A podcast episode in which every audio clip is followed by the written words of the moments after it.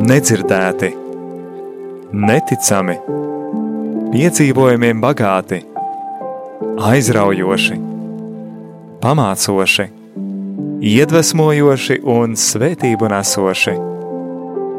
Tādi ir cilvēku dzīves stāsti. Tās ir grāmatas, kuras tā arī nekad nav sarakstītas, filmas, kuras neviens nav redzējis, mantojums, kura vērtība nav izmērāma. Raidījums dzīves stāsti - tā ir unikāla iespēja ielūkoties šajā dārguma lādē. Klausies raidījumu katra mēneša pirmajā trešdienā, pulksten 17.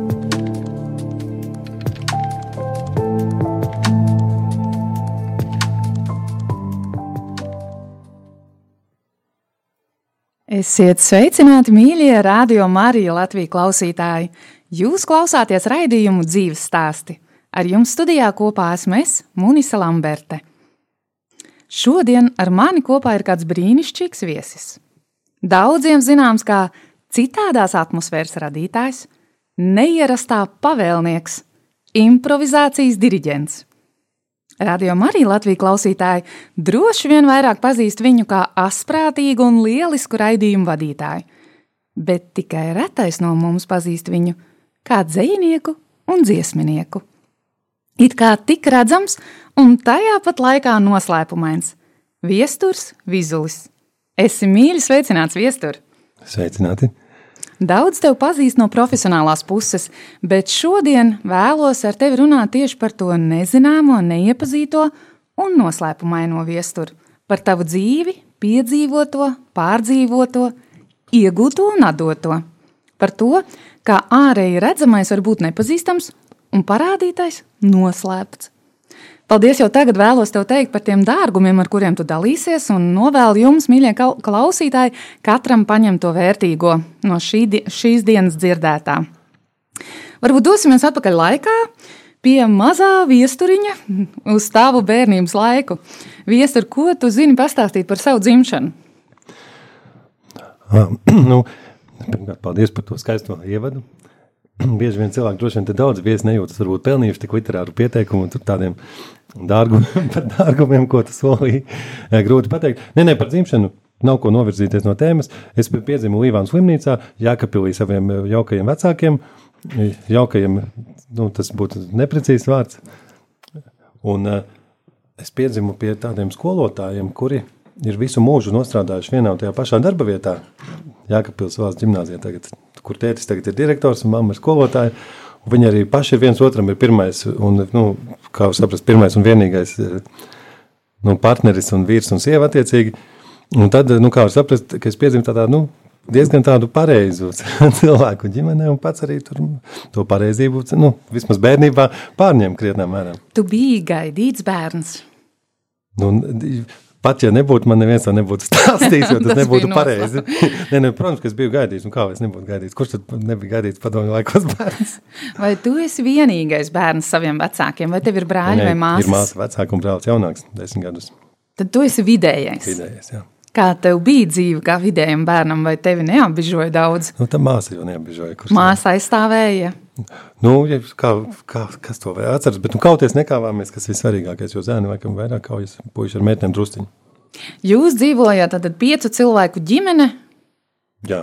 Māja, dzīvoklis, kas bija tā māja vieta? Bija, gan, bija sākumā dzīvoklis, kurš man vislabāk patika, piecstāv mājā, trīs stāv, un tad kā par nelaimi nācās pārcelties uz māju, ko citi gribēja, bet es pats nē. Kas tev patika tajā dzīvoklī, kāpēc tu negribēji pārcelties? Nu, kaut kā ērtāk, viss gāja tur, nu, darbi nav jādara, saprotiet, ilgāk var grāmatas lasīt. Tā tālāk. Tev nepatīk tie darbi, kas bija jādara pie mājas? Jā, kaut kāds, kas izjauc tādu mierīgu atmosfēru, tādas lietas, uh, Nu, kā negaidīt, kaut kur jāaiziet, kaut kas jāiznes miskas, tad tas nav vajadzīgs. Ja var skatīties televizoru. Tu jau mazliet ieskicēji šīs attiecības starp tevi, tavu māsu un brāli, bet kādas tās, ja tev būtu jāraksturo, kādas tās jums bija brāļu māsu attiecības? Ko tu varētu par to pastāstīt? Zin kā, tagad es uztraucos, lai tikai būtu kaut kas interesants, bet nekas jau diži interesants tur nevarēja būt ļoti kolēģiāli. Mēs ar māsu bijām no, kopā reizē augām, bet brālis piedzima tikai pēc desmit gadiem desmit, un tad mēs viņu abi arī pieskatījām diezgan daudz. Jums nebija tāda ciešāka saikne, tā kā vairāk ar māsu. Nu, kopā, jā, tur mēs augām, bet, tad, nu, protams, ka brāli es pats es pārmetos, es, biju tas, kas viņu veda uz Rīgu, uz basketbolu, es viņa, viņu vedu uz futbola treniņiem, nu, teiksim, bet viņš tā kā maziņo tādu. Ļoti kolēģiāli, draudzīgi, un par laimi, tad, nu, tad, kad mēs dzirdam par brāļu un māsu kādiem konfliktiem, tad mēs tā nopūšamies, nu, jā, ka mums tas ir gājis garām. Bet tas ir skaisti, tas tiešām ir skaisti. Vai tu vari pastāstīt par savām, o, tavām un tavu vecāku attiecībām? Kādas jums tās bija? Kā, kāda bija tā, ja tā var teikt, hierarhija ģimenē, kā jūs viens pret otru izturējāties? Nu, ziniet, kā, es tieši iedomājos, ka nu, mēs izturējāmies pareizi, tā kā vajag. tā kā vajag. Nu, kā bērni klausa un ciena vecākus un klausa nu, diezgan pamatīgi. Vecāki cenšas arī pareizi pedagoģiski rīkoties kā skolotāji. Un, um, Nu, tā kā vajag paklausīt, tad tas tāds zināms spriedzes, protams, kraisa. Tādu, tā, ka ar draugiem dzert alu es sāku tikai kādā desmitajā klasē vai vienpadsmitajā, un arī ļoti bailīgi. Nu, domāju, ka vecākiem tas varētu nepatikt, ja kāds īpaši izstāstīt. Protams. Nu, protams. Kāda, kāda ir tava mamma, kā tu viņu raksturotu? Ziniet, kā mēs esam kristīgā radiostacijā, ka es, es viņu es noteikti, nu kā, mamma ir perfekta, Un eh, nevis tādā pārnestā nozīmē, bet tiešā, tiešā viņai. Es neesmu redzējis, ka viņa īpaši kļūdītos vai kaut ko grēkotu. Es domāju, ka viņa varētu nonākt debesīs arī eh, nebūdama kristiete, jo viņa visu bauslību ir perfekti izpildījusi. Tas ir, protams, joks daļai. Mēs visi kristieši zinām, ka tā tas nevar būt. Bet es par to, nu, tā kā mēs kā bērni, tādas kādas mammas kļūdas, nu, neesam īpaši redzējuši. Kas, protams, ir paradoxāli, bet tā ir. Kā tu raksturot savu tēti? Nu, ka, atkal jāsaka, nu, kā tādu savā ziņā perfektu tēti, kas gribēja mums mācīt dambreti, ko mēs mācījāmies, kas gribēja, lai mēs ap, nu, tā ievadamies tādā eksaktā domāšanā, fizikā, dambretē, lai mēs būtu labās perspektīvās dzīvē. Bet pēc šāda nu, temperamenta vai rakstura iezīmēm, lēni, ātri, strauji, mierīgi, klusi, skaļi, kā tu varētu varbūt viņus vēl papildus raksturot, lai mums būtu vieglāk iztēloties tavu ģimeni? Nu, tā pret bērniem, protams, ka nu, nu, bez nu, tādu redzamu skandālu mums nebija nu, mierīgi tāda skaļo, nu, atkal jāsaka tāda stereotipi jau nestrādā, protams, bet, nu, ja skolotāja ģimenē, tad bērni ir audzināti pareizi pēc pedagoģijas arī kādām grāmatām. Kas tajā laikā arī, pieejams. Nu, jā, arī attiecības tiek virzītas nu, pēc kaut kādām savu veidu priekšrakstiem, nevis vienkārši brīvi improvizētas tādas. Savā starpā, kā viņi viens pret otru izturējās? Es saprotu perfekti, bet varbūt tomēr mazliet vairāk, vai, vai bija šīs um, tādas siltas attiecības, kuras tu varēji novērot, vai viņi tomēr tādi distancēti viens pret otru bija. Nu, kādas bija šīs savstarpējās, savstarpējās attiecības viņiem? Mm -hmm.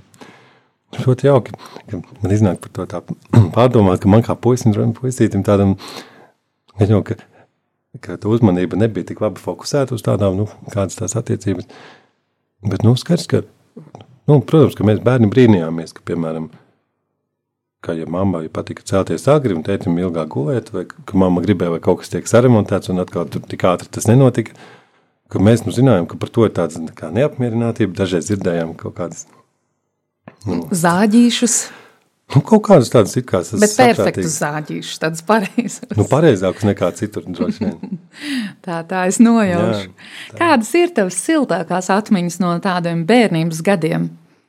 Spēlēt cirku, varētu pateikt. Nu, man liekas, ka mēs katru, vai tik tas nebija katru vakaru, ka mēs vienreiz izspēlējām. Nu, ka vecāki zināja, ka daudz laika jāpavada ar bērniem, ko viņi arī darīja. Tad, tas ir diezgan netipiski patiesībā priekš cirku ir diezgan tiem laikiem, jā, ka vecākiem ir laiks bērniem. Jā. Nu, jo kas var būt labāks, ja tu iegrimsti spēlē, tur nav nekādu uztraukumu, ne konfliktu, var spēlēt cirku. Visi jau zina, kas ir cirks. Es ceru, jā. Vecvecāki, vai tie ir kaut kur tuvu vai tālu no jums tajā jā, laikā? Jābrauk kā bija uz laukiem. Viņi dzīvo laukos. Jā, jā, tajā laikā tā bija. Tas bija tāls gabals, kur tāls gabals uz balvu pusi, tur, kur kārtīgākā latgalē un kur bija jā, jākrauj sienas un jāstrādā. Ar prieku braucija? Jā, protams, ka, protams, ka nē. nē, nē. Nē, nē, patiešām tā muļķīgi izklausās, bet, nu, zinot, ka tur kaut Man patika tāds dzīvokļa komforts, televizors, hokeja skatīšanās, un es zināju, ka braukšanas uz laukiem to var pajaukt, jo nebija tik labs televizors, bija toaletē ārā. Diezgan jā. jāpastrādā. Nu, bet ne tā, ka daudz, bet jāpastrādā vienalga. Atklāt sakot, nu, kurš gan no mums it kā nav slinks, bet uh, dīvainā kārtā man tāda nu, patika pret fizisku darbu, tā arī nav, nav parādījusies pa dzīvi. Nu, ļoti labi. Visi jau nevar sienu kraut kādam, jo arī jārunā, vai ne? Nu, tā daži domā atkal, ka nē. Nē, daži domā, ka nē, jo, redziet, nu, man mīļā vecmā, vecmāmiņa tagad, kur ir dzīve, nu, tas ir liels uztraukums vecākiem, ka es nodarbojos ar ko, ar improvizācijas teātri, ar humoru, kādu izrā, izrādēm, tas pelnu naudu ar pasākumu vadīšanu, un tad viņai dažreiz jautā, ko tu strādā, un es kā, nu, kā atbildu, ka es tur vadu pasākums, bet viņi arī pārjautā vēlreiz, ko tu strādā? Un, un tādā ziņā es zinu, nu, ka pieņemt pašam nu, ka tas ir tāds iztikas pelnīšanas veids, zinot tādu nu, vecāku bažīgu aci un vecāku. Tas, ir, nu, tas nav, nav, nav pat tik vienkārši. Jo es esmu Latvijā viens no tādiem nu, netik daudziem cilvēkiem, kuram bija tas, tā iespēja līdz šim nopelnīt iztiku tikai un vienīgi ar pasākumu vadīšanu. Tādu, nu, tādu nav ļoti daudz. Un um, citiem tas ir kā hobijs paralēli pat citām lietām. Un, ja, un tad vecāki nu, nu, īpaši vecāki ir no tās sērijas, kur uzskata, ka tas nav īsts darbs. Tad, ko tu strādā? Ja? Tu teici, mīļā vecmāmiņa, vai tu vari pastāstīt savas attiecības ar saviem vecākiem? Tur, tur, tomēr ir kaut kas mīļš, ja tu pie, pieliec šo raksturojošo vārdiņu klāt. Jā, jā. Nē, nē. Ziniet, nu kā ja viņa neseno bērni, nu, tad ļoti garšīgus tos prjaņikus, tos cepumus nu, no veikala un citus cepumus, un visādi adekvāti lutināja un dāvināja naudas dzimšanas dienās, nu, ko tad mazbērns var vēl vairāk vēlēties? No tā viņi ieguva šo titulu mīļā. Nē, nē, nu, bet, pro, nu, jo vecmāmiņām taču arī ir tā, ka viņām mazāk ir jāuzina, bet viņas var lutināt, laikam. Nu, viena vairāk lutināja, viena vairāk strādāja, vesēriņi palīdzēja arī kaut kādus labā atmosfērā kaut kādus arī tādus darbiņus, kaut kādus koku, ko, ko, ko, laiviņu kalām, nu, diezgan diezgan piemērot. Nu, tas, ko vecākiem jābūt kādiem beznosacījumu draugi, kas kaut ko kopā padara arī. Tad tev bija labas attiecības ar vecākiem. Nu, paldies Dievam vispār, jā. Izņemot Bet, tad, kad vajadzēja sienu grābt. Nu, arī tad es nečīkstēju daudz, jo pareizi nečīkstēt. nu, ļoti pareizi jūs visi tur esat. Nu, baigi jauki dzirdēt. Ne, tāpēc labi, ka mēs to sadaļu esam tagad pārunājuši. Jo man ir es uzreiz varu klausītājiem pateikt, ka nu, nodarbojoties ar tādu kā cilvēku izklaidēšanu ikdienā, man arī tagad, kā tādā mierīgā sarunā, man ir jau uztraukums vai tikai, nu, vai es esmu vispār cienīgs te būt, vai es kaut ko pietiekoši interesantu tagad izstāstītu. Tāpēc Monis ir mani uzaicinājis, esmu ļoti no vienas puses pagodināts, no otras tagad jūtos atbildīgs. Tev noliec to atbildību malā, viesturs, kuru mēs pazīstam, to mēs pazīstam jau no visa tā, ko tu strādā, kā mēs noskaidrojam, bet mēs tiešām vēlamies iepazīt tevi bez šīs pievienotās atbildības, tā kā Nu, jā. Esi brīvs no tā. Tieši tā. Un es arī varu jums uzreiz iepriecināt, ka tas jums līdz galam droši vien neizdosies. jo tu esi profesionāli nē, nē, ne, tā, tā gluži nav, bet nu, es ļoti, nu, pieņemsim, es kādreiz vadot kāds, es to atklāti citiem teicu, nu, kāpēc tas ir grūti, vai ne, nu, tā, ka es ļoti iespringstu, lai izlikt, izskatītos atbrīvots, atslāpināts. Nu, es, un, un tā tas arī iznāk, es piedomāju, ka tā tad, ne, nu, ka, teiksim, jābūt pleciem nolaistiem, ne, un nevis tā mākslīgi, bet jābūt tā, ka nu, teiksim, ir jāsam, jābūt smaidīgam, tam, jā. bet ka tu pats tāds arī esi un ka tev diezgan jābūt fokusētam, lai nonāktu atslābinātā stāvoklī. Tu nedrīkst aizmirst, ka ja tu esi atslābināts. Un nu, smaidīgs. Un interesanti, ka radio šis mikrofons arī nu, dara to maģiju. Daudz cilvēku arī jau zina, ka tu kā esi pie, pie mikrofona. Tā, nu, tas ir dabiski, ka man gribas to pastāstīt. Tas ir kā dabiski runāju. Bet, nu, līdzīgi, cits piemērs, kad mūs, mūs sāk filmēt, saka, ej, normāli. Jā, vai ne? Protams. Jā, um, vēl mazliet es gribu to bērnību. Tu tur tā ļoti stīvi viņa stāsti, bet noteikti bija kādas grūtības bērnībā, kuras tu pārvarēji, kuras tu vari atcerēties, vai tu vari kaut ko pastāstīt, kas bija, nu, tavuprāt, tās lielākās grūtības, kuras tev nācās pārvarēt, vai kuras tev vecāki iemācīja pārvarēt? Mm -hmm. Nu, ziniet kā, pat tā, tur jāsaka, kāpēc saku daudz skaitu, es nezinu. Nē, nē, bija tāda daudz, interesanta, interesanta situācija raksturīga. Nu, es ar rindiņām jau to minēju, bet ka skolotājiem bērniem ir tā problēma, ka vajag integrēties tādā, nu, jaunu tā pusauģu visā draugu lokā, vai ne? Bet, eh, un tad vajag rīkot, teiksim, nu, bastot skolu vai kavēt stundas vai, nu, kaut ko darīt, Lai nepareizi. Ja. Nu, jā, iedaras, jā. Un tad, ja tev tajā pašā skolā tur strādā vecāki un citi skolotāji, vēl arī atļaujas viņiem pastāstīt, nu, garām ejot, nevis tāpēc, ka kaut kas īpaši slikts būtu, bet, nu, aiz neko runāt, viņi izstāsta, ka tu tur kaut ko darīji vai lamājies. Man bija, ka izstāstīja, ka es kafejnīcā biju lamājies rupji. Skol, nu, skolas kafejnīcā. Tu to pats nezināji. Es to kaut kā biju piemirsis, bet, nu, kā mēs ar draugiem tur bijām, es stundās, protams, nelamājos neko, bet, nu, kafejnīcā man vajadzēja darīt līdzi un lamājos arī tā kā pieklājs. Un es, un es jūtos ļoti nu, netaisnīgi nosūdzēts, ka tā kafejnīca tā pārdevēja bija stāstījusi kaut kādā veidā citiem skolotājiem. Es domāju, nu, viņi taču negāja uz poliklīniku ārstu bērniem stāstīt, kurš tur bija nolamājies vai kā. Un manā gadījumā nu, izstāstīja. Bet, nu, labi, un tas raisa tādu konfliktu. Nu, kā tur īsti atdalīties no tādas vecāku ietekmes un 9. klases izlaidumā, kad visi sametās, nu, salika naudiņu, tā teikt, lai brauktu pie meitenes vienas uz mājas, kaut ko vēl svinēt. Nu, sametās nozīmē to, ka es arī ieliku piecus latus toreiz, jo visi, nu, tā tad tika nopirkts bagažniekā alus un visādi vēl tur dzērieni. Nu, kā jau devītklasniekiem likās, ka nu, tagad viņi svinēs izlaidumu. Un tajā laikā es vēl īsti nesap, nezināju, kā tur īsti tas alkohols darbojas un kas ar to var būt.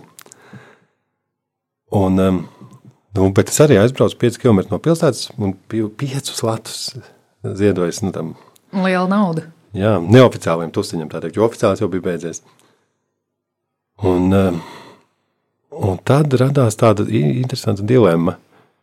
Es sāku domāt, vai ir vērts, kas šobrīd, nu, tieši tajā dienā, ka es būšu tā nozīmīgāk iedzēris, un vecāki būs kaut kādā ziņā, var, varbūt vīlušies, vai man varbūt kaut kā pels vai kaut kas tāds ka kāpēc man tas būtu jādara, ja nav nevienas meitenes, kam es patīku. Wow. Nu, es domāju, kā priekšā tad es varētu zaudēt šo savu labo tēlu. Es domāju, bet pieci lati jau ir zaudēti. Tagad par to jau ir samaksāts. Ka it kā vajadzētu nu, sākt to lietu. Nu, tī, nu tā kā lietošana kaut kādā gadījumā. Un, eh, bet tad es ieraudzīju, ka pāri ielai darbina kaimiņš mašīnu. Un, uh, Un es viņam ātri pieskrēju un pajautāju, vai viņš gadījumā nebrauc uz pilsētu, uz Jēkabilu atpakaļ. Nu, kas svarīgi, jo nevarēja, nu, lai nebūtu kājām jāiet. Un viņš tiešām brauca. Un tad man tajā sekundē ir iznāca liela cīņa. Ka vai nu es palieku, ja es palieku šeit, tad es palieku līdz naktī, Tad es nu, attiecīgi cenšos droši vien nu, tur attiecīgi dzert to alu. Tad ir kaut kādas problēmas, bet ieguvuma nav īsti nekāda. Jo, ja es pa šiem deviņiem nu, skolas gadiem nebiju tur nevienā klases bērnē, tā īsti iepaticies, vai man nekas nebija izdevies, nu diez vai man arī šajā vakarā izdodas. Tas ļoti analītisks prāts, Dambretis man ieslēdzās. Un es zināju, ka vakarā būs futbols, Eiropas čempionāts, sāksies Zviedrija, Beļģija, vai pat atceros, ka spēlē. Un tad, nu, tieši tajā sekundē pārdzīvoju, tādu, nu, tur tā grūtība ka es varu aizbraukt mierīgi, tagad atkal tomēr uz mājām, zaudēt savus piecus latus, bet mierīgi nu, darīt to, kas man vasarā patīk, izlaiduma laikā skatīties futbolu. Un, un to es arī izdarīju. Bet interesanti, ka ar šodienas acīm es redzu, ka ļoti pareizi, nu, ko es tur būtu nu, ieguvis. Nekā. Bet tajā reizē tā bija, nu, es tā kā skatījos to futbolu, bet es iekšēji skumu, ka bet iespējams tur bija notika pasaulē jautrākais un skaistākais tusiņš, kāds vien ir bijis. Uh, Bet tā ir tāda īpaša izvēle, kas tev ir prātā palikusi vēl aizvien. Jā, jā, jā un, nu, bet tas spiediens tāds nu, kopējs, ka viņš nāk no tādas nu, teikt, ģimenes pareizības no vienas puses un no tādas iedarēšanās no otras puses. Un, un, nu, tas ir tādiem labi audzinātiem nu, bērniem, laikam, tād, tāds moments, ka gribas būt tādam nu, pārslēgšanās tajā Pie... Grūti ir atdalīties būt, jā, iz, būt perfektam un tāpat laikā iedarēties. Patiešām, jā. Nu, tas bija, nu tā kopsumā tā varētu teikt. Tad fona, nu, teiksim, arī nekauties vai tur iet uz mūzikas skolu, jo tas arī, nu, grauj tavu reitingu. Nu, nu, tas, tas nav populāri, jā. Alfa tēviņu tajās, nu, aprindās. Nu, es, biju, nē, nē, es nebiju tas pats eh, nožēlojamākais klases bērns, bet nebija arī nu, tajā augstgalā. Es biju tāds, nu, lejas procentos. Bet nu, līdz 10. klasē tas bija diezgan nu, nu, pareizs un nesevišķi atzīts. Tāpēc es labprāt arī daudz slimoju, jo mājās visu varēja paspēt labi apgūt, braukt uz Dāmbrēcas turnīriem un tā tālāk. Tu jau ļoti veiksmīgi pārgāji no bērnības mājām un bērnības grūtībām, kuras es mēģināju kaut kā izvilināt no tevis uz skolas gadiem. Skolas gadi izklausās tādi sirdī tuvāk, tomēr nekā bērnības mājas. Tur laikam ir vairāk notikumu bijuši. Nu, Nerekur, nu, līdz 9. klases izlaidu, mēs jau aizrunājāmies. Nu, tie bija tādi, nu, tur gan daudz slimojot, un tā labi mācoties, tā viņi arī kaut kā, paldies Dievam, pagāja. Bet notikumi vairāk sākās no 10. līdz 12. klasē. Tad, tad kaut kā parādījās tā drosme un vēlme klases priekšā jau radoši kaut kā izpildīt pildīties. Tu varētu teikt, ka tas ir kāds personības attīstības laiks, kad tu sāc sevi apzināties. Tas varētu būt. Kāda ir tā klase? Jā, nē, nē nu, apzināties. Es vienmēr jau sevi kaut kā apzinājos. Bet, uh, Nu, tādā ziņā apzināties kaut kādas intereses jaunas, varbūt jau jauni cilvēki nu, vidusskolā tur apmainās. Un tad rodas iespēja sākt visu no jauna. Tur kādu meiteni iespējams parādās. Jā, jā, un tad viņa tevi nezina ar tavu iepriekšējo pagātni, tu vari no jauna, nu, teiksim, sevi pozicionēt. Tev tiek dota jauna iespēja. Nu jā, un tad līdz ar to pašapziņu un līdz ar to, tad, nu kā, nu, tad mēs kļuvām jau klasē tādi ieredzētāki. Mēs rakstījām viens otram, mēs rakstījām tādas klādes ar visādiem, nu, nevis humoriskām, ar visādām tautas dziesmām, lugām. Viens parakstīja kaut ko tādu kā smieklīgu, padeva otram, vai tas kā pasmējas un kaut ko papildina.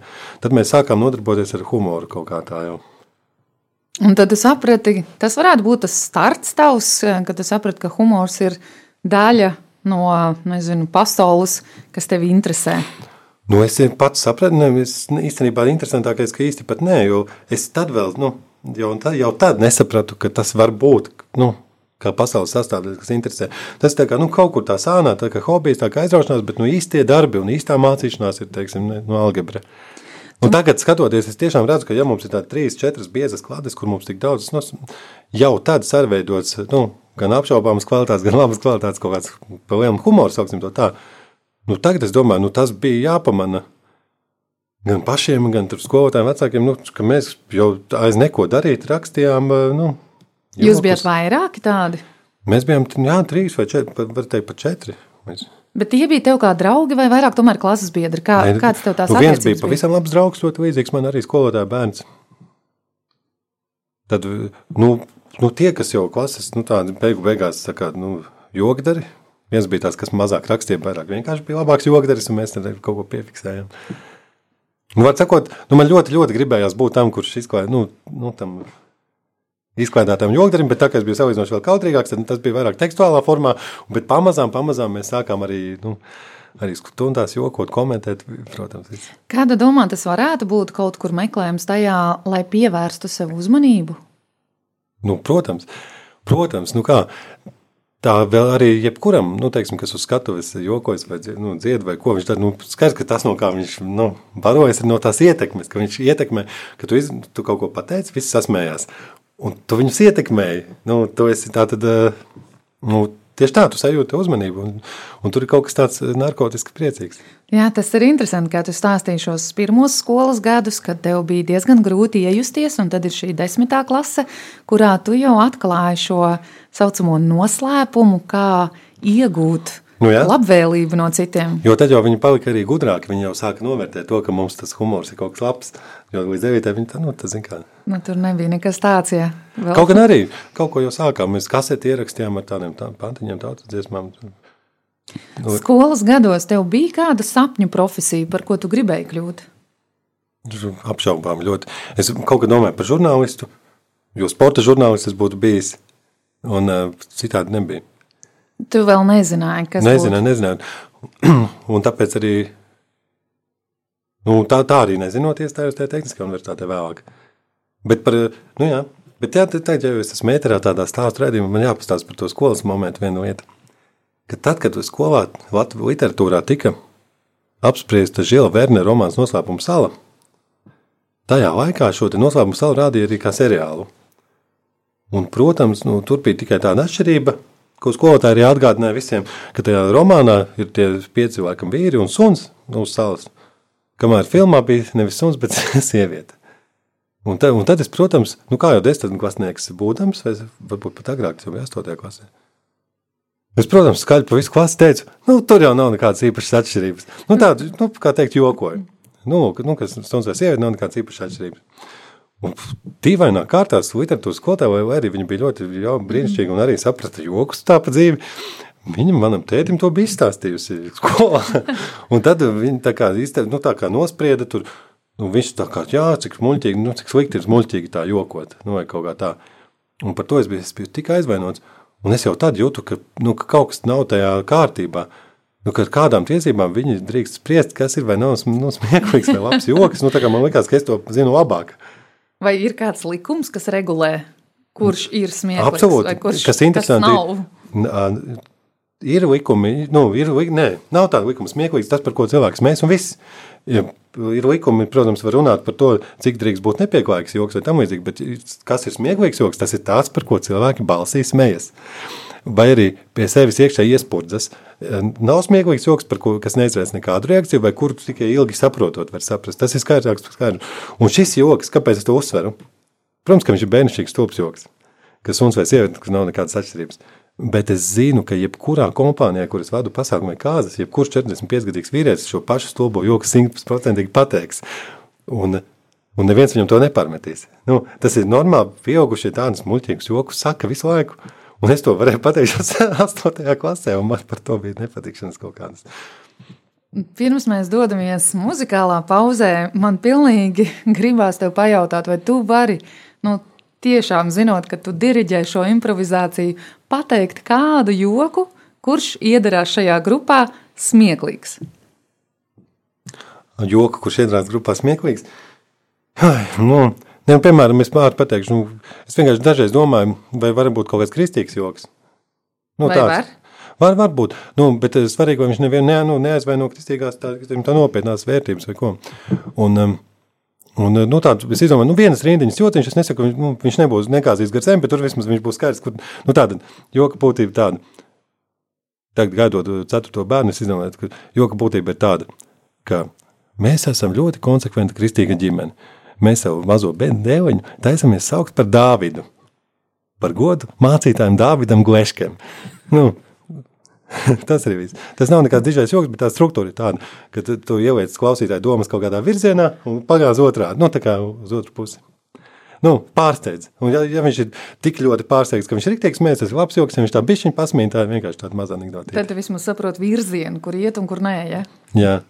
Vai, teiksim, tā, ka svētajā misē saka lasījums no, uh, tur, Jēzus Kristus evaņģēlī, ko uzrakstījis svētais Matejs, uh, Nu, piemēram, nu, tur, nu, tur nav nekāda joka, bet es pie sevis man galvā noskan, ka būtu smieklīgi teikt, ka lasījums no Lūkas evaņģēlija, kur uzrakstīs svētais Matejs. Nu, piemēram. nu, es pie sevis domāju tās paradoksus, nu, viņi griežas galvā, nu, tāds skolnieks, ka maz jociņi ne jau kaut kas īpašs. Bet tas pievērš uzmanību nedaudz. Nē, nē, uz, nu, pievērš uzmanību, ja kaut kas tā kā dīvains, tas uzreiz pievērš, nu kā, nu, jebkas pievērš uzmanību. Tepat rādījum arī, arī man pievērš uzmanību, teiksim, Nu, kas tur var, nu, kā rīta cēliens sākas ar tādu jinglu, ka uh, laiks modināt prātu. Esi pamodies, laiks modināt prātu, klausītāji varbūt zina. Un, un man tas likās, tur nav nekas smieklīgi vai nepareizi, bet es galvā ka griežas kaut kas paradoks, ka kaut kas nav kārtībā ar to. Un es tad pie sevis saprotu, nu, kā humorists man jāsaprot, ka kas nav kārtībā, Nav kārtībā, ka tur netiek minētas ne krustvārdu mīklas, ne tur notiek kaut kāda atšķirības uzdevums. Nu, tur, kur tā prāta modināšana ir? Un es pie sevis, nu, tā, pie sevis nosminu, nu, laiks modināt prātu, kas tagad būs. Bet tas nebija par tēmu, atvainojiet. tas bija ļoti labi. Man tiešām interesē. Tas ir vienkārši par tādu prātu, kurš visur saskata kaut ko paradoxāli, varbūt nu, kaut kādu mazu paradoksiņu, un tad kaut kā par to ākstās dabiski gan skolā, gan vēlāk atcerot kaut kādas jociņas un tā. Tas ir ļoti interesanti, jo šobrīd tu atklāji tādu kā formulu, tajā, kā tu šos jokus saskati un izveido. Nu, un tad ne jau tas ir. Nu, jā. Ne, nu, tas ir vairāk tev jau to pateici. Nē, nē, nu kā, bet tas nav nekas jauns. Nu kā, joks ir joks, ja viņš pārsteidz. Ja viņš tev fizioloģiski izraisa pārsteigumu. Ja, tāpēc ir tur daudz, kas tiek ļoti parasti pārspīlēts vai kaut kādus. Nu, jā. Bet, bet vissvarīgākais jokā, ko es nepateicu, ne jau ir tas, ka tu kaut ko pārspīlē vai kā, bet īstenībā tā iekšējā tāda no, īsta smeldze vai pat pretestība pret kaut ko. Ka īstie joki ir tur, kur kaut kas ir slikts un no, kur mums tas nepatīk. Šis ir ļoti interesanti, ko tu pateici, un mēs par šo tēmu turpināsim pēc muzikālās pauzes, jo tieši kā mēs iesākām raidījumu, tas ārēji redzamais, šajā gadījumā tas joks, un tu ļoti labu atslēgvārdu pateici, iekšēji kaut kas smeldz, tad varbūt nevienmēr tas ārēji redzamais ir tas, kas notiek iekšā. Protams, jo Protams, mēs taču par to nedomājam nemaz. Nu, tajā brīdī, kad mēs jokojam, ārēji mēs redzam joku par prezidentu Levitu, pieņemsim, Facebookā. Bet iekšēji, nu, tā smēle, nu, ja nebūtu mums tādas, nu, tā smēles, tā paradoksa, ka, kā, vis, nu, teiksim, ka visaugstākā amatpersona, no kuras mēs gaidām, teiksim, visskaidrāko rūtas spriedumu vai teikumu, kaut kur samīstinās, mēs jau smejamies mūsu tās nedrošības un iekšējās smeldes dēļ. Ne, ne jau par to, ka šis cilvēks, konkrēti Egils Levis, tur kaut ko pārteicās. Mūsos tas paver vaļā tādas kā nu, bailes un nedrošība par to, kā tad mēs dzīvosim, ja ir tik nedrošs mūsu līderis, nu, piemēram. Un tāpēc arī nu, tas viens no iemesliem, kāpēc par politiķiem tāda joki daudz un karikatūras. Ļoti dziļa doma patiesībā. Bet, jā, laiks muzikālajai pauzei būs viena no tevis izvēlētām dziesmām. Klausīsimies to, un pēc muzikālās pauzes turpināsim šo tēmu.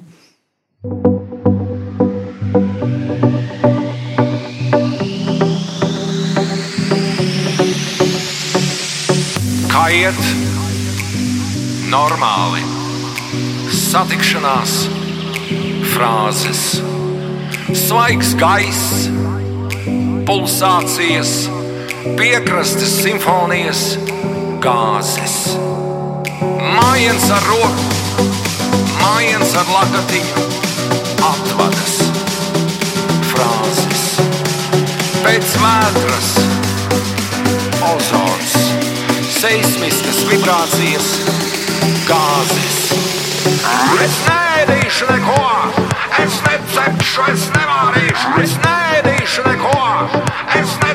necepšu, es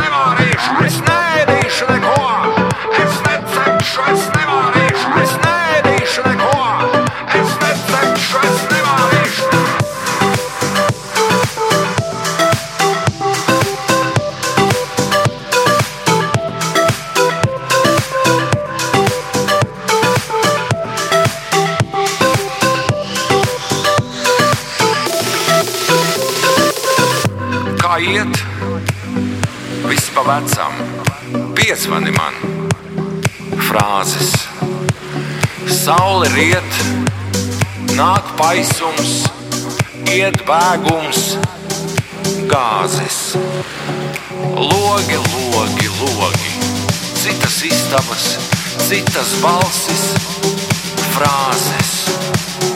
Pastaiga, bez steigas viens pats gāzes. Es neēdīšu neko, es necepšu, es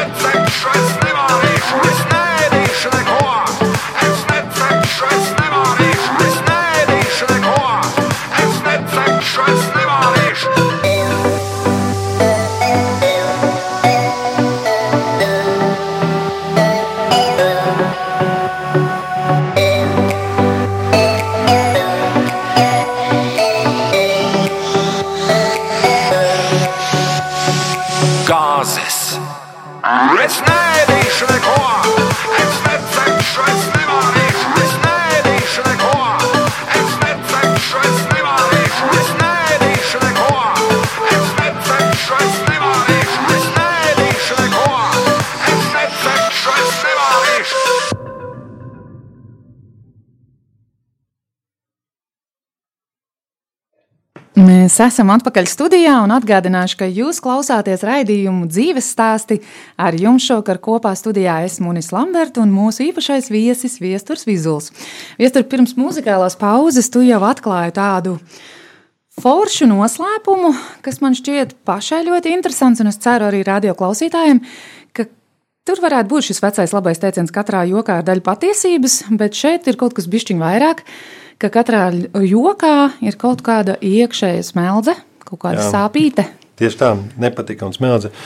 Arī mēs visi to zinām, ka seriālos un tam līdzīgi, nu, pieņemsim, ka sākas varbūt viss labi, teiksim, dzīvot un ģimenīte kopā, un viņam ir bērns vai divi vai kas, bet tā sērijas būtība sākas tad, kad šī idila ir izjaukta. Ir atnācis kaimiņš vai nu, nu, nu, noticējuši griezti, vai ir kaut kāds, nezinu, plēšana pa kreisi notiek. Nu, tad tikai sākas kaut kāda joka, nu, gan, gan literatūra, gan stāsts, gan kaut kāds nu, īpašs joks. Un mēs patiešām, nu, lai mēs smietos, Mr. Beans, pieņemsim, viņš uztaisa kafiju sev mutē. Viņš iebēra kafijas pulverīti sev mutē vienā sērijā, un tad vēja arī ūdeni, tāpēc, ka viņš sēdās pie zobārsta.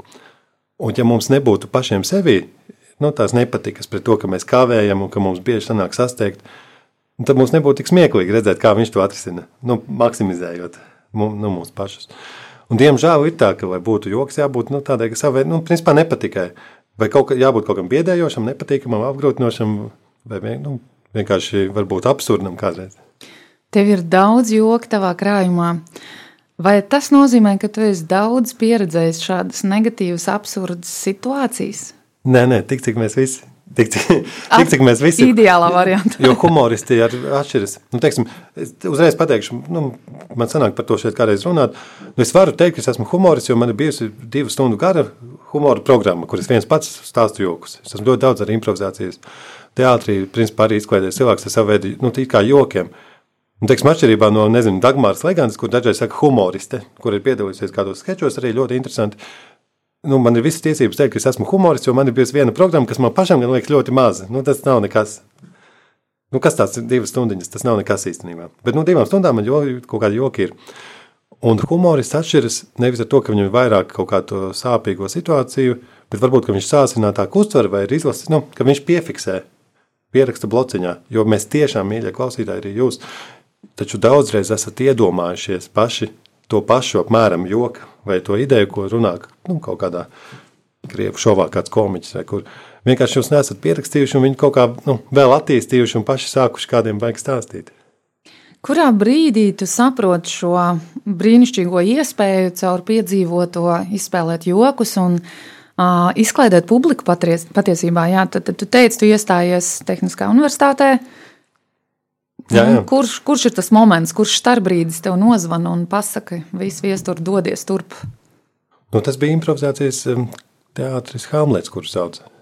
Tu izvēlējies kaut kā sevi Es izklaidēt, vai vienkārši kā? aizgāju tur paskatīties un sapratu, ka man, nu, ka man nu, ļoti, ļoti es iemīlēju uzreiz to žanru. Man, man sākumā likās, ka es nekad mūžā nu, neko tādu nevarētu, un cik forši ir tiem, kas to ir sākuši darīt. Un tad nākošajā reizē es domāju, nu, ko tad var zaudēt, ka vajag pamēģināt. Tā kā atvērtā skatuve bija improvizācijas iepriekš nesagatavotu tādu ainu izspēlē.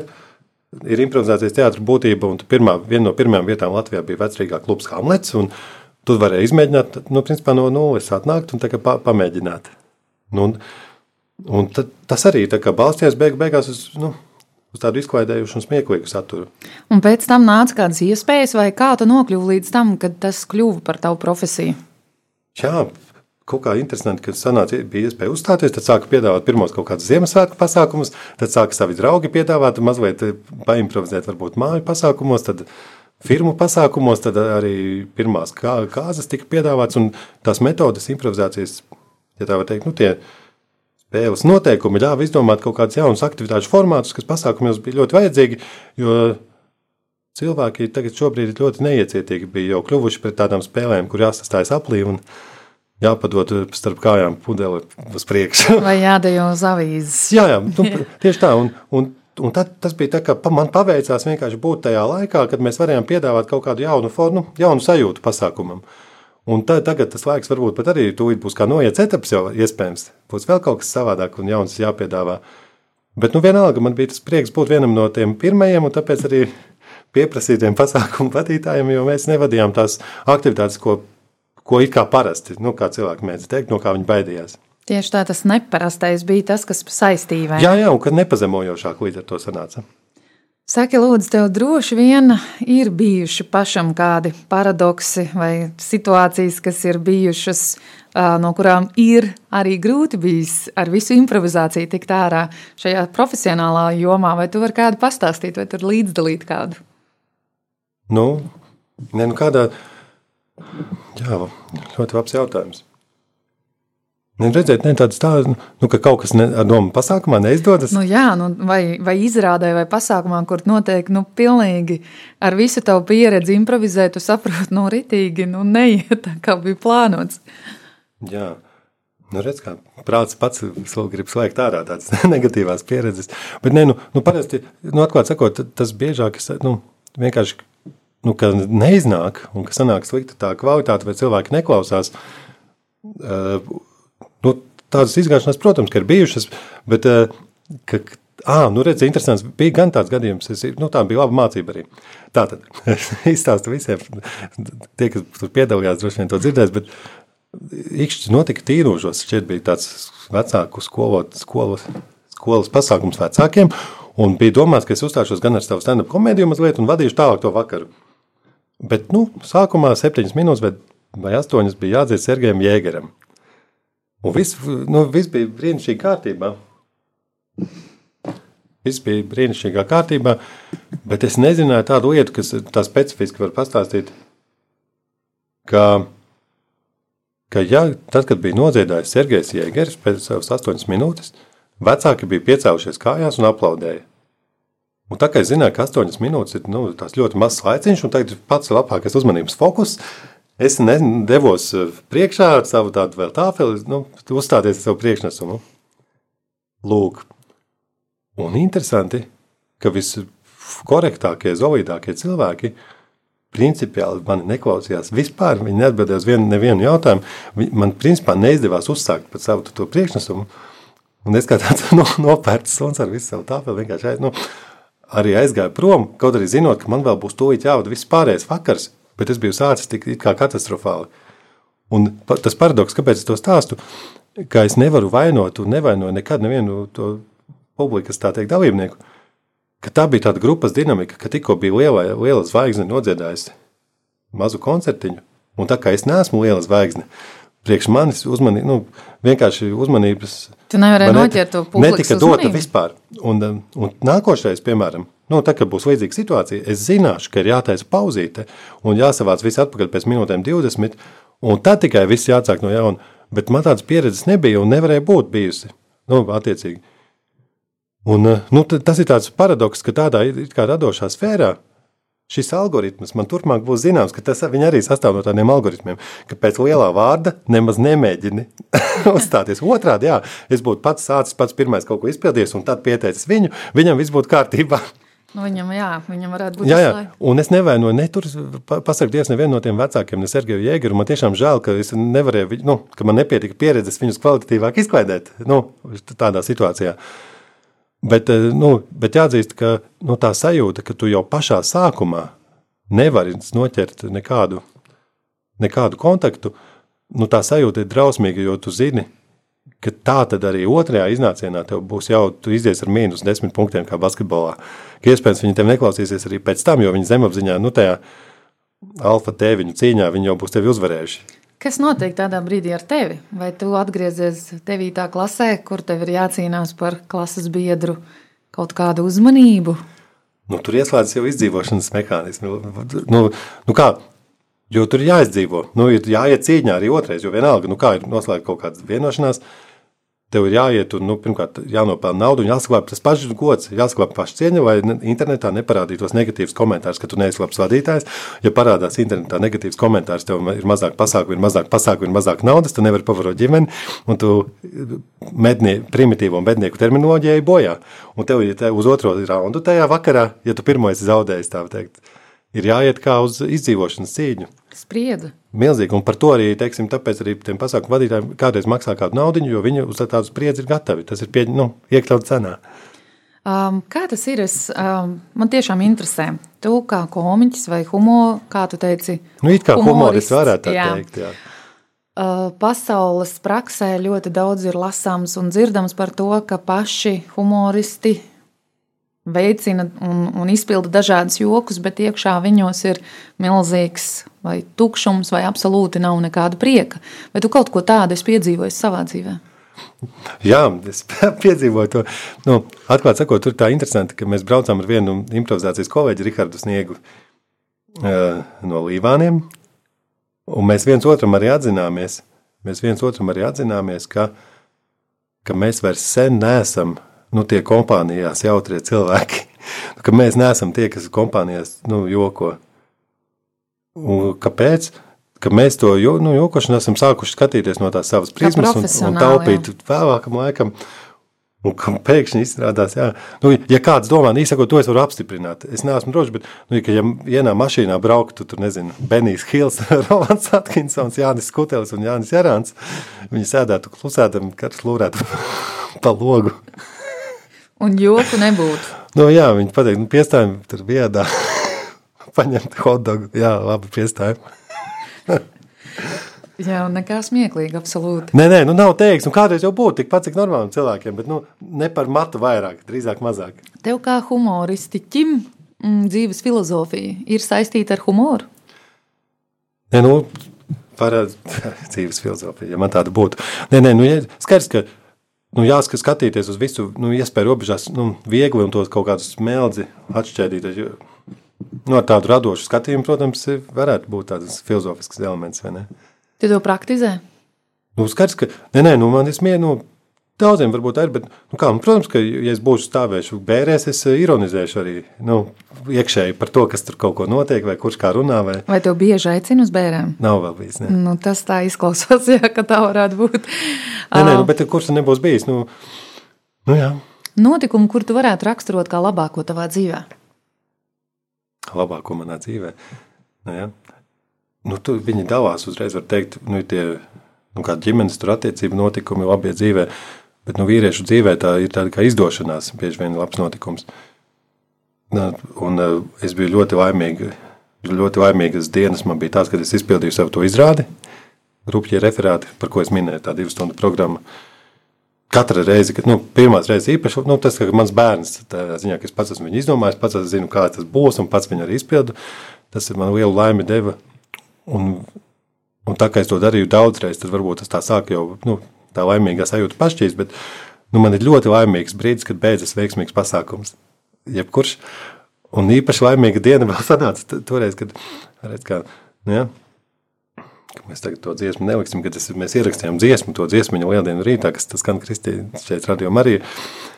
Un, um, nu, kad vienkārši, ka kaut kas izdevās, tātad par 99% tā, kā man likās, tam ir jāizdodas. Un ja tā notiek, tās ir ļoti laimīgas dienas. Nu, Kāds piepildīts? Nu, tāds kā, nu, man kā vīrietim manos darbos. Un tad var, es varētu analizēt, kā tur, kura precēšanās un bērnu dzimšana, nu, ku- kura no tām ir tā kā nozīmīga, laimīga, vai iepazīšanās ar manu sievu, protams, ir ļoti laimīga diena. Bet, eh, bet nu, redz, vīrieši tādi ir, ka viņi, eh, man uzreiz nāk prātā, tur, kur ir kaut kas izdevies tā, kā es gribēju. Vai ir kāds notikums, kas ir izteikti mainījis tavu dzīvi? Nu, mēs redzējām, kā mēs pat tā pieskārāmies tiešām ieiešana tajā teātrī klubā Hamlets. Tas bija kaut kas fenomenāls, jo es līdz tam tiešām, vēl tagad, nu, es domāju, ka es esmu eksakti domājošs tāds, nu, pareizs rēķinošs cilvēks un tā tālāk, un pamazām, pamazām es sāku atrast to tādu radošo prizmu sevis.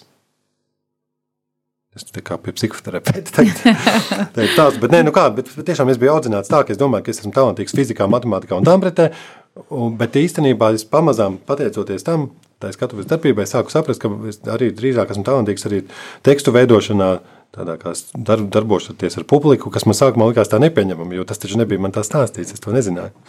Ko tu zini tagad, bet labprāt būtu zinājis senāk? Jā, ļoti labs jautājums, ka, ka, ka nav viss tik, ka nav viss tik traki, ka nav viss tik nopietni. Nu, piemēram, ja man bērnībā vecāki būtu teikuši, ka, ja tu salauzi traktoru, ka īstenībā tas nav nekas. Bet viņi teica, ka ir traki. Nē, nu viņi nezina, vai ļāva tur raudāt un pārdzīvot, un ka man te teica, aizgājis uz zudībā. Tas ir viens. Nu, jā, ka tā tad pirmkārt, ka nav tik traki, un otrkārt, būtu labi, ja es agrāk būtu zinājis, ka visi pieaugu, nu, ka pieaugušo pasaulē kaut kā skola mācīja, un viss, ka visi ir tādi atbildīgi, ka viss notiek pareizi un laicīgi, un ja nenotiek, tā ir liela nopietna un šausmas. Tagad, es man tikai 35 gadi, un es beidzot sāku redzēt, ka, nu, teiksim, sākot ar remontu strādniekiem, beidzot ar radio cilvēkiem, ka var sanākt arī, ka e, kāds neatnāk, un kaut kas izjūg, un kaut kas nesanāk, un nekas nesanāk. Nav un, pasaules gals. Jā. un, e, un tāpēc cilvēki nemaz nesastrīdas un nepasūta viens otru uzreiz. Tālāk, es agrāk domāju, ka tas būs pasaules gals. Bērnībā man ir tā mācīja, ka, nu, ja tu, nu, teiksim, es tagad kavētu šo redzējumu, nu, viens labi, teiksim, nu, es kavētu, es justos ļoti slikti, tad es zvanītu. Tad es tur ļoti atvainotos, tur pieņemsim, vai kā. Bet, nu, nu, man, teiksim, nebūtu miera līdzīgi kā varbūt kādiem, nu, nezinu, servisa strādniekiem, kur tev neizdara un priecīgi dzīvo tālāk. Mēs esam ļoti strauji pietuvojušies raidījuma noslēgumam. Viestur, kas būtu tas, ko tu novēlētu klausītājiem? Nu, te ir novēlēt. No, no šitais bēdījos. Jautājums ir, nu, kādā kontekstā mazliet. Kāds vēlējums, ko tu gribētu Jā, jā. nodot? Nu, viens no no vēlējumiem ir tāds, ka nu, tā tad, nu, pirmkārt, nekad nepadoties. Nu, piemēram, nē, nē, es iedomājos, nu, nu, pirmkārt, ja gadījumā kādam ir kādas grūtības pašam, nu, paša dzīvē vai saistībā ar vīrusiem, darba zaudēšanām vai tam līdzīgi, nu, ka es, var, es varētu novēlēt vienmēr izdarīt vienu mazu solīti vairāk nekā vēl var. Un tad vairāk nevajag. Nu, teiksim, novēlēt, saņemties, atrast sevī vēl vienam mazam solītam spēku. Nu, tur, kur jau beidzas. Arī kad spējas. nevar, vai jā? Jā, un parasti ar to pietiek. Un, kad tas mazais solis, beigās izrādās, ka viņš var kaut ko pavērst un cit, dot citam vēl lielākam solītam, kā arī spēku. Nu, tas tā. Bet kāpēc es to teicu? Tagad tieši tā. Man liekas, ļoti sakarīgi, jā, ja tu pirms tam runāji par šo te, uh, nekoncentrēšanos uz to, ka ir pasaules gals, un šobrīd arī tas, ka vienu solīti tomēr vairāk, arī brīdī, kad tev liekas, ka ir šis pasaules gals, nu, tas ir skaists novēlējums. Lielas tev paldies! Un man tiešām ir patiesa prieks par šo mūsu kopā pavadīto laiku. Mīļie klausītāji, es ceru, ka jūs atradāt kādu savu pērli, kuru šovakar varēsiet paturēt eh, no viestura dā, dzīves dārguma lādes. Es ceru, ka mēs vēl tiksimies viesturā, jo man šķiet, ka ir ļoti daudz, ko tu varētu vēl stāstīt. Un no sirds es vēlu tev, lai Dievs dod tev piedzīvot vēl daudz skaistus brīžus, šos notikumus, kas maina tavu dzīvi pozitīvā virzienā. Un, mīļo klausītāji, paldies, ka tu biji kopā ar mums. Tiksimies nākošo mēnesi, pirmā mēneša trešdienā, 17.00. Atgādini, ka tu klausījies raidījumu dzīves stāstī ar tevi kopā biju es Munis Lamberte un mūsu brīnišķīgais viesis Viesturs Vizulis. Lai jums jauks vakars uz tikšanos!